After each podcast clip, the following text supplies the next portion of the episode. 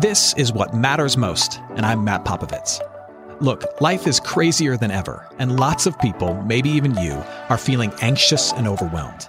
Today's message is designed to help you figure out what's most important and to experience the peace and joy that God intends for you. Because life is a gift, and it shouldn't be wasted on worry. I'd like to give you a resource, something to help you navigate the road ahead.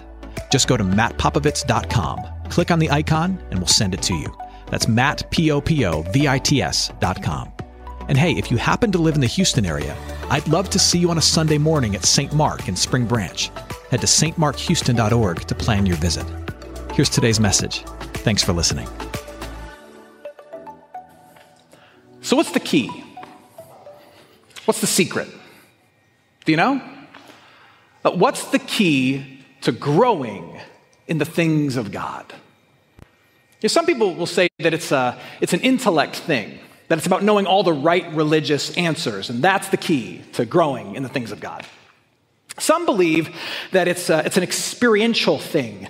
You need to have a, a profound personal encounter with the divine, and then, then you grow.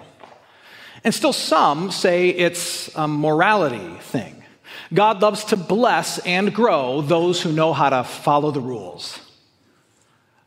But I'm here to tell you today, perhaps no surprise to you, that it's, it's not any of those things. None of those things are the key to growing in the things of God. Now, what Jesus tells us today in the parable of the sower, that the key to growing in the things of God is your heart. It's a heart thing. Let's look again at what Jesus says. Jesus tells this story about an extravagant gardener.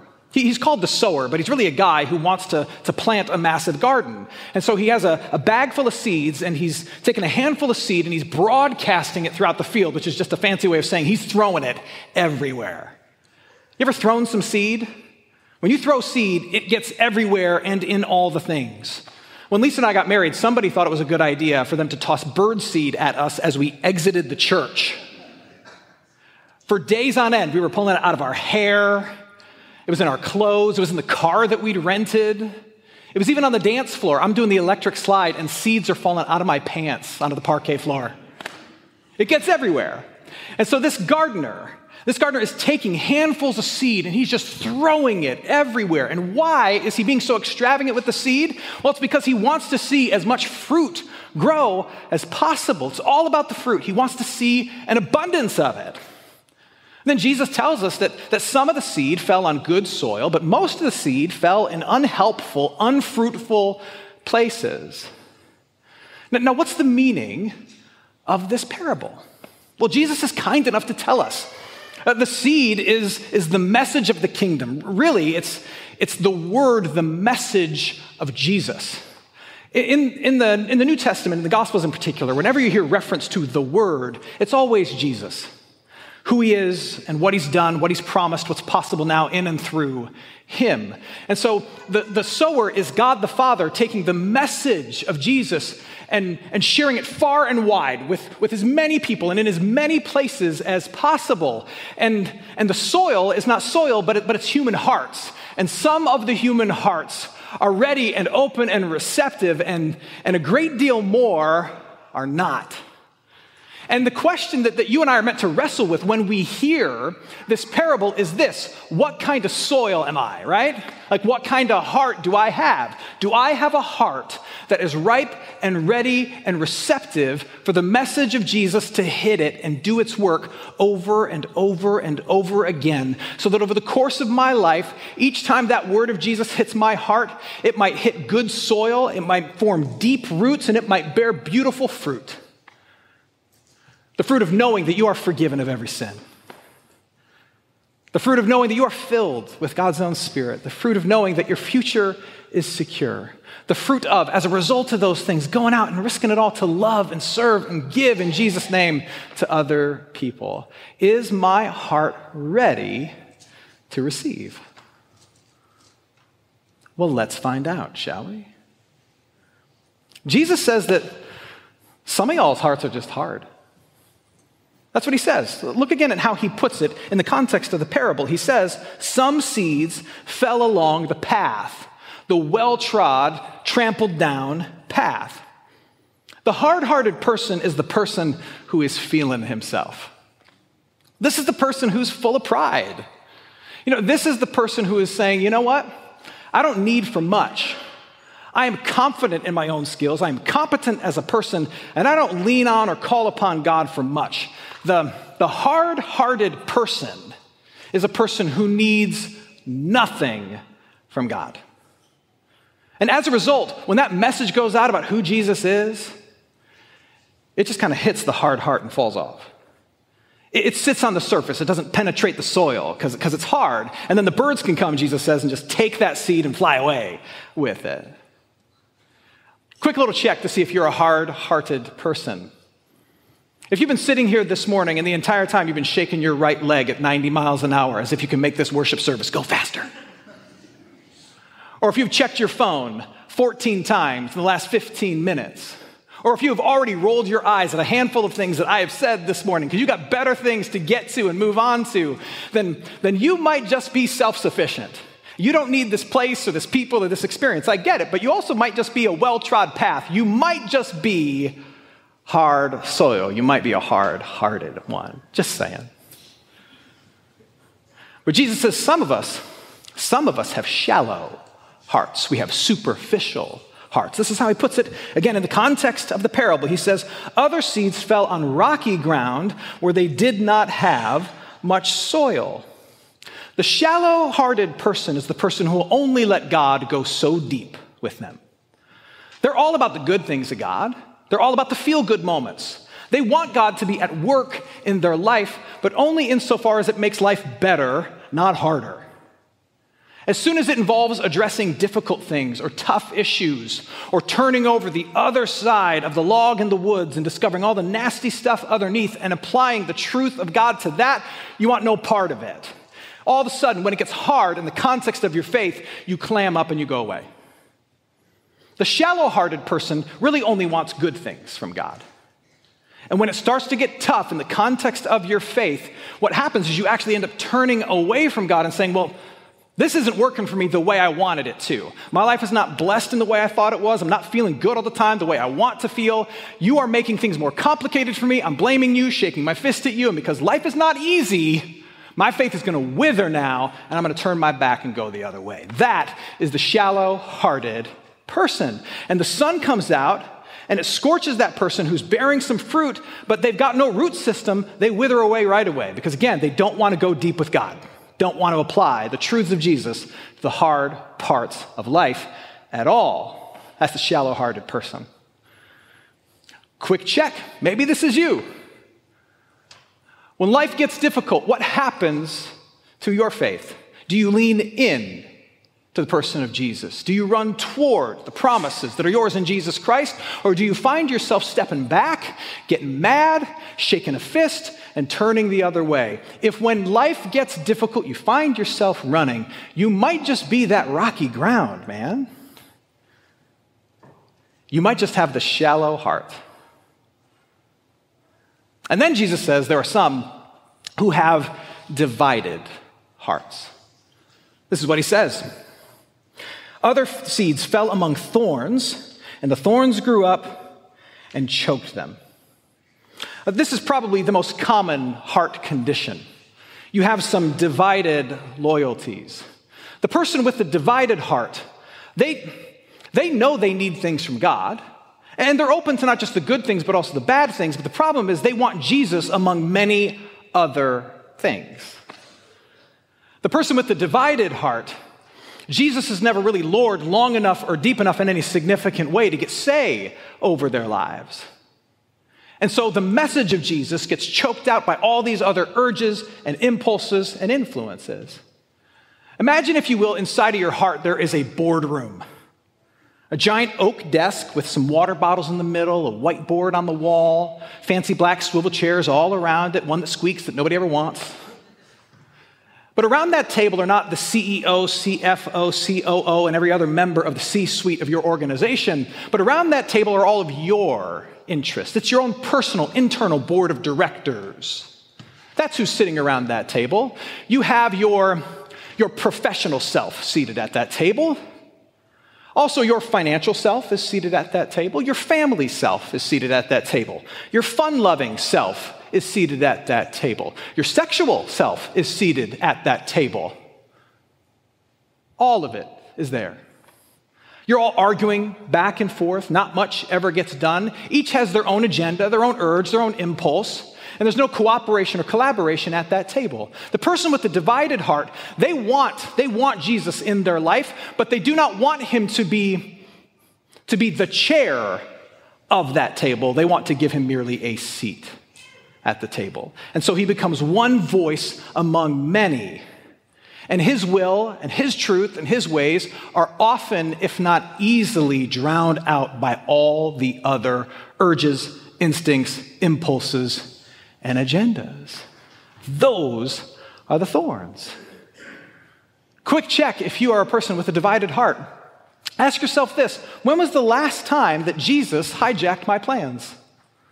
moving me in a different direction towards the things of God, the things of Jesus that are in step with his kingdom. And so you actually changed course, changed plans to be more in line with what you thought might actually be the will of God. You didn't do what you wanted, instead, you walked in the way you knew you should.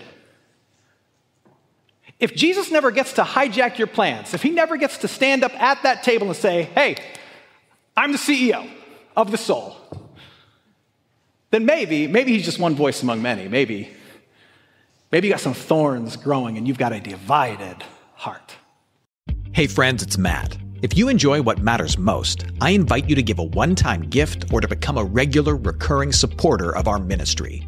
It's your gifts that put and keep this show on the air and make it possible for us to do even more. To partner with us, just head to mattpopovits.com. That's M A T T P O P O V I T S.com and choose to give. And as a thank you, we'll send you a copy of my first book, Tough Call, as a gift. Help us keep sharing what matters most with as many as possible. Head to mattpopovits.com and choose Give. Now, let's talk good soil. Jesus says some hearts are good soil, some hearts, some hearts are soft. Some hearts are receptive to the message of the kingdom. And when the message of Jesus hits that heart, it burrows deep and it forms lasting roots. And the faith that forms and the fruit that comes up is strong and it is plentiful. Uh, this is a person who is likely walking around with a constant sense of really who they are in light of Jesus. They are well aware that they are a mess who is in need of and who has received mercy. Uh, this is a person who, in many things, is, is, is not asking the question, what do I want to do? What do I feel like doing? But instead, motivated by God's Spirit as a sign of the fruit of God's work in their life, they're asking questions like this What can I do that is most glorifying to God and most loving to others? You see, that's the value set of the kingdom. That, that is what happens when there's a soft heart a heart receptive and ready to receive that message. Now, moment of total honesty and transparency with you. My heart is not often good soil. My heart is not often soft. And if we were being honest, and you and I sat down together and we had coffee or wine or whatever kind of trips your trigger, we'll, get together and we'll talk. And, and we'll be really honest with each other. And I'll say to you, you know, Pastor Matt's sermon was amazing. Here's how I'm processing it.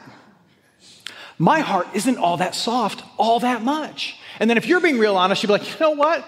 Me too. Very often, my heart, my heart is hard. Or, or my heart is shallow. It only wants the good things. Or my heart is deeply divided. And you'd be like, mine too. And then you'll lean over to me and be like, Pastor Matt, what, what do we do about that? How do our hearts become ripe to receive the message of Jesus? How can our hearts be kept as good soil so that over and over that message can burrow deep, form great roots, bear great fruit, and transform our lives? Years ago, I don't remember quite how old I was. I think I was about nine. My mom had this idea that, that she wanted to plant a garden in our giant backyard. And so uh, I have this memory, this vision of her borrowing a, a rototiller, a cultivator, um, something to rip up the ground, borrowing that. And, and if you're a nine year old or so little boy, uh, a rototiller is a really cool piece of machinery. It's just giant blades that spin and they eat the ground. And I have this image of my mom, probably 30 at that time. She's standing behind this rototiller and she's just moving it. It's ripping up ground and she's making these deep tracks in our backyard so we can plant in there. But we weren't ready. No, it's only step one to rip up the soil. Then we, we had to get some stuff to add some good bacteria to the soil. So we got this big bag of fertilizer and we worked that into the soil, but we still weren't done. We had to add some water in there. And then, then it was ripe soil for planting, which struck me as a ton of work for tomatoes you could just go buy at the supermarket. But we were gardening. My point is this it is an unpleasant process that takes hard soil and turns it into good soil. It's not a process that, that you do, it's a process that God does to us. And how do you think He's going to take the hard soil of your heart and turn it into good soil? You know what He's going to do? This is the part you're not going to like. He's going to let the rain fall.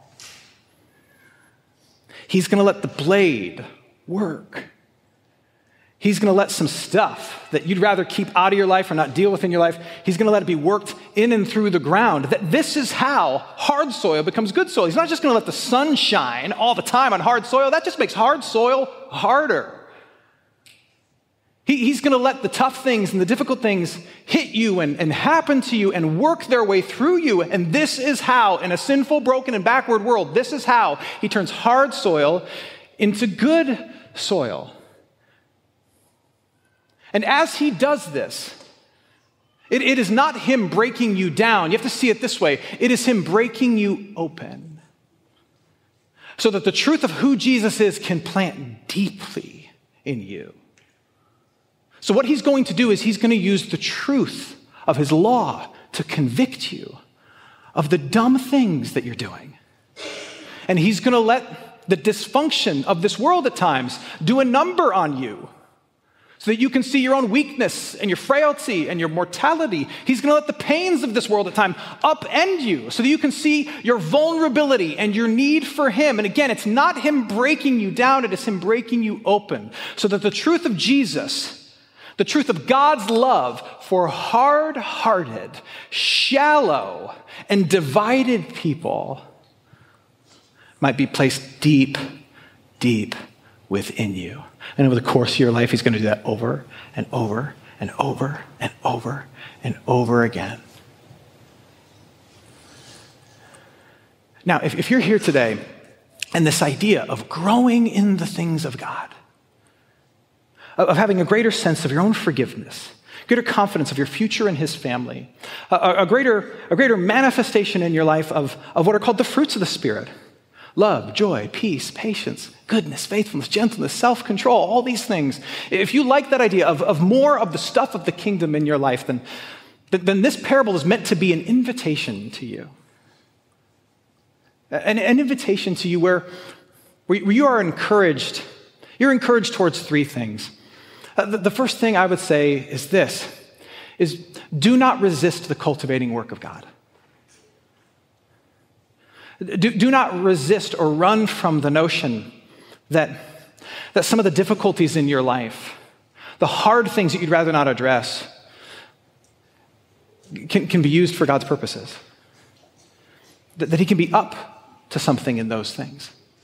Resist the urge of a shallow faith that says, unless it feels good or makes immediate sense to me in the way I see the world, I want no part of it. Resist that urge. Resist that urge and do not resist the cultivating work of God. But instead, reset your expectations. Reset your expectations about what life should look like as a follower of Jesus. God is going to use the difficult things of life to break you open so that you can see yourself for who you really are, so that the, the soil of your soul can be thoroughly tilled and the message of Jesus might might burrow its way deep and deep and deeper inside of your heart each and every time that it is proclaimed to you. God is at work in those things, making you ready to receive the greatest of things.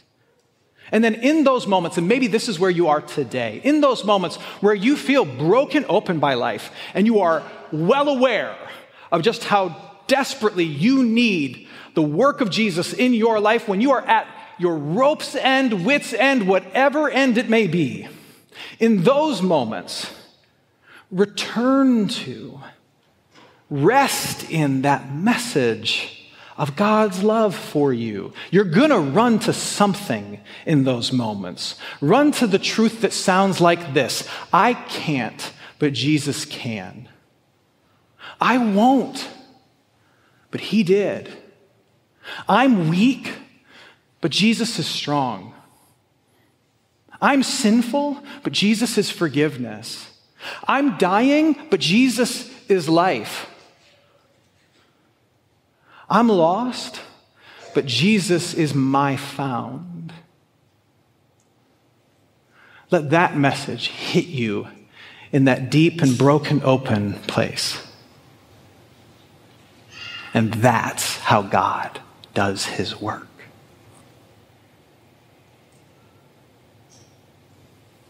Jesus loved to tell stories about seeds and soil. I think it was because he knew we could relate to it, like we would get it. But I also believe that it's because Jesus sees himself as a gardener. Think about it. In the book of Genesis, beginning of the whole thing, God creates all that we see. And he creates it all by speaking it into existence. But then in Genesis chapter 2, verse 8, it says that, that God, a physically present God, in this new created world plants a garden. And what we believe is that, that that's a pre incarnate Jesus, that Jesus is the one who shows up in Genesis chapter 2, verse 8, and he, he plants a garden. Now, prior to this, all the creating work had been done by speaking. Let there be light, and there's light. Let there be animals, and there's crocodiles. But at this moment, Genesis 2, verse 8, it says, God plants. The implication is God has gone from just speaking things into existence into being in the creation itself and on hands and knees digging the holes, planting the seed, dirt under fingernails, planting and cultivating the garden. And I imagine it looked even better than this one. Because the garden that Jesus planted was known as the Garden of Eden. Now, what ended up happening in that garden is mankind rejected the leadership of God over its life and they were then ejected out of that garden. But God did not give up his gardening work. No, he just shifted from plants to his lost people. And now, what he is doing is he is taking a different kind of seed and he is scattering it all through this world. And he is, he's trying to get it to hit the hearts of the people that he loves. And, and now you and I, we, we are the thing that he's molding and shaping. We are the work of his hands. You receiving that message and then growing in faith and believing that you're loved and knowing that the God of the universe has done everything to bring you back to him. That is the garden that he's cultivating now through Jesus. Jesus is the great gardener, and you you are the thing that he's growing. You. You are the thing that he's growing. But, he, but here's how it's going to work. You, me, we, we, have, we have to trust him. Because to do his work in our lives, he has to till the soil of our hearts. Would you let him break you open over and over and over again so that the truth of his love take root. Amen. Hey, it's Matt. I hope you enjoyed what matters most. Here's what I need you to know life is a gift, and it shouldn't be wasted on worry. I want to help you figure out what's most important and to experience the peace and joy that God intends for you. So, for more content, you can head to mattpopovits.com. That's Matt, P O P O V I T S.com. There, you can also support this ministry as well as access your free resource, a little something to help you navigate the road ahead. I'd also love to see you on a Sunday morning. If you're in the Houston area, head to stmarkhouston.org to plan your visit. In the meantime, Hit me up on Instagram at mpopovits or at facebook.com slash Matt Popovits Ministries. Thanks for listening. Now go and hold tight to what matters most.